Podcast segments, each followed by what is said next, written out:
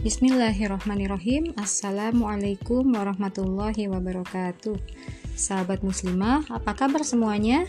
Masih berjumpa di podcast saya Maya Umu Aska Dan masih dalam rangka mengikuti challenge podcast festival Yang diampu oleh Coach Ahmad Adiasta dan C. Gufang Sahabat muslimah, kita masih berbincang seputar ilmu Kita sudah membahas beberapa waktu yang lalu bagaimana Islam begitu memuliakan ilmu pengetahuan.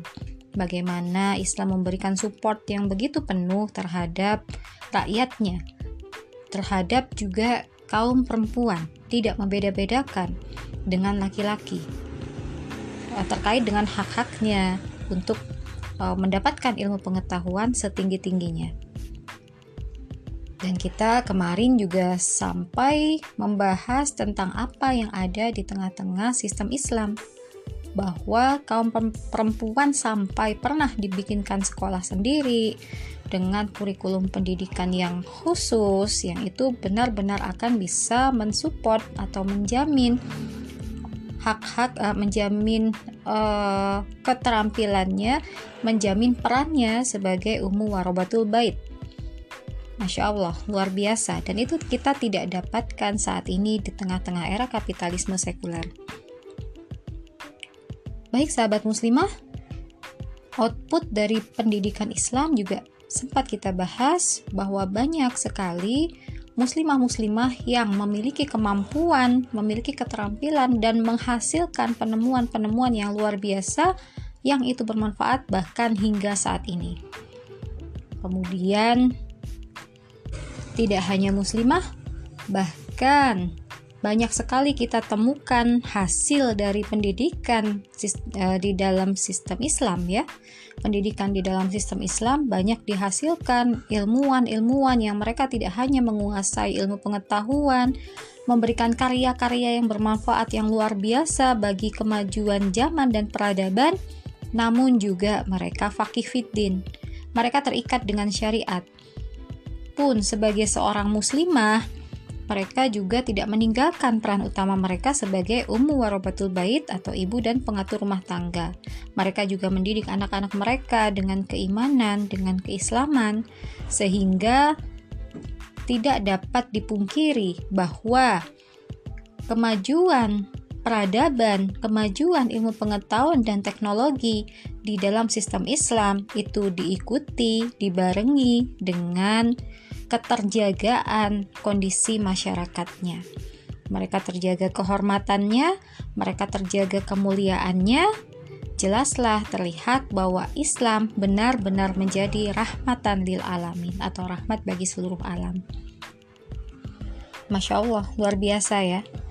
Lalu, bagaimana strategi pendidikan dan sistem pendidikan Islam itu sendiri? Bagaimana dulu Islam ketika diterapkan secara sempurna di dalam kancah kehidupan bernegara dan bermasyarakat mampu menghasilkan output yang luar biasa unggul baik dalam peradabannya, ilmu pengetahuan dan, teknologinya, begitu juga dengan uh, kemuliaannya. Ya, kita lihat bahwa ternyata sistem pendidikan di dalam Islam itu disusun benar-benar berdasarkan akidah Islam. Jadi kurikulum pendidikannya wajib berlandaskan akidah Islam. Metodologi penyeba, pen, uh, penyampaian pelajaran, kemudian juga mata pelajarannya tidak boleh bertentangan sama sekali dengan akidah Islam. Kemudian tujuan pendidikan Islam adalah untuk membentuk manusia-manusia yang bersyaksiah Islam. Maksudnya apa? Memiliki pola pikir dan pola sikap atau pola tingkah laku yang islami. Kemudian mereka juga mumpuni. Mereka memiliki keterampilan, memiliki bekal-bekal yang cukup untuk menunjang kehidupannya untuk memecahkan permasalahan-permasalahan di tengah-tengah kehidupan dan di tengah-tengah masyarakat mereka juga diajari dengan ilmu bahasa Arab, ilmu-ilmu Islam, karena ini sangat penting di dalam memecahkan permasalahan kehidupan sehingga tidak keluar dari rambu-rambu Al-Quran dan As-Sunnah. Di tingkat pendidikan dasar, tidak boleh diajarkan ilmu-ilmu yang itu bertentangan dengan Islam. Jadi, benar-benar ketika di pendidikan dasar, penanaman ketakwaan, keimanan, dan kekuatan pemikiran Islamnya itu benar-benar dikuatkan karena itu adalah uh, dasar ya dasar uh, berpikirnya gitu nah sedangkan untuk pengetahuan-pengetahuan lain atau ilmu-ilmu pengetahuan yang itu berasal dari peradaban barat. Itu boleh diajarkan di tingkat lanjutan, tingkat pendidikan tinggi. Yang itu diajarkan dalam rangka agar mahasiswa mengetahui keburukan, kebobrokan dari sistem-sistem atau ilmu pengetahuan uh, selain dari Islam, dan mereka mampu membantah uh, dan mereka bisa membandingkan dengan Islam. Nah, bagaimana dengan sekolah-sekolah swasta? swasta boleh mendirikan sekolah-sekolah di dalam negeri. Namun, tetap kurikulum itu tidak boleh uh, mereka menggunakan kurikulum yang lain. Jadi mereka hanya boleh menggunakan kurikulum pendidikan yang telah ditetapkan oleh negara. Tetap terikat dengan syariat, tidak boleh ada percampur bauran antara laki-laki dan perempuan di sana kemudian terkait dengan kewajiban untuk um, menutup aurat dan juga pendidikan yang diselenggarakan di sekolah swasta itu tidak boleh dikhususkan untuk kelompok agama, mazhab, ras atau warna kulit tertentu. Jadi, tidak ada diskriminasi di dalamnya. Kemudian Islam memberikan jaminan pendidikan kepada seluruh warga negaranya.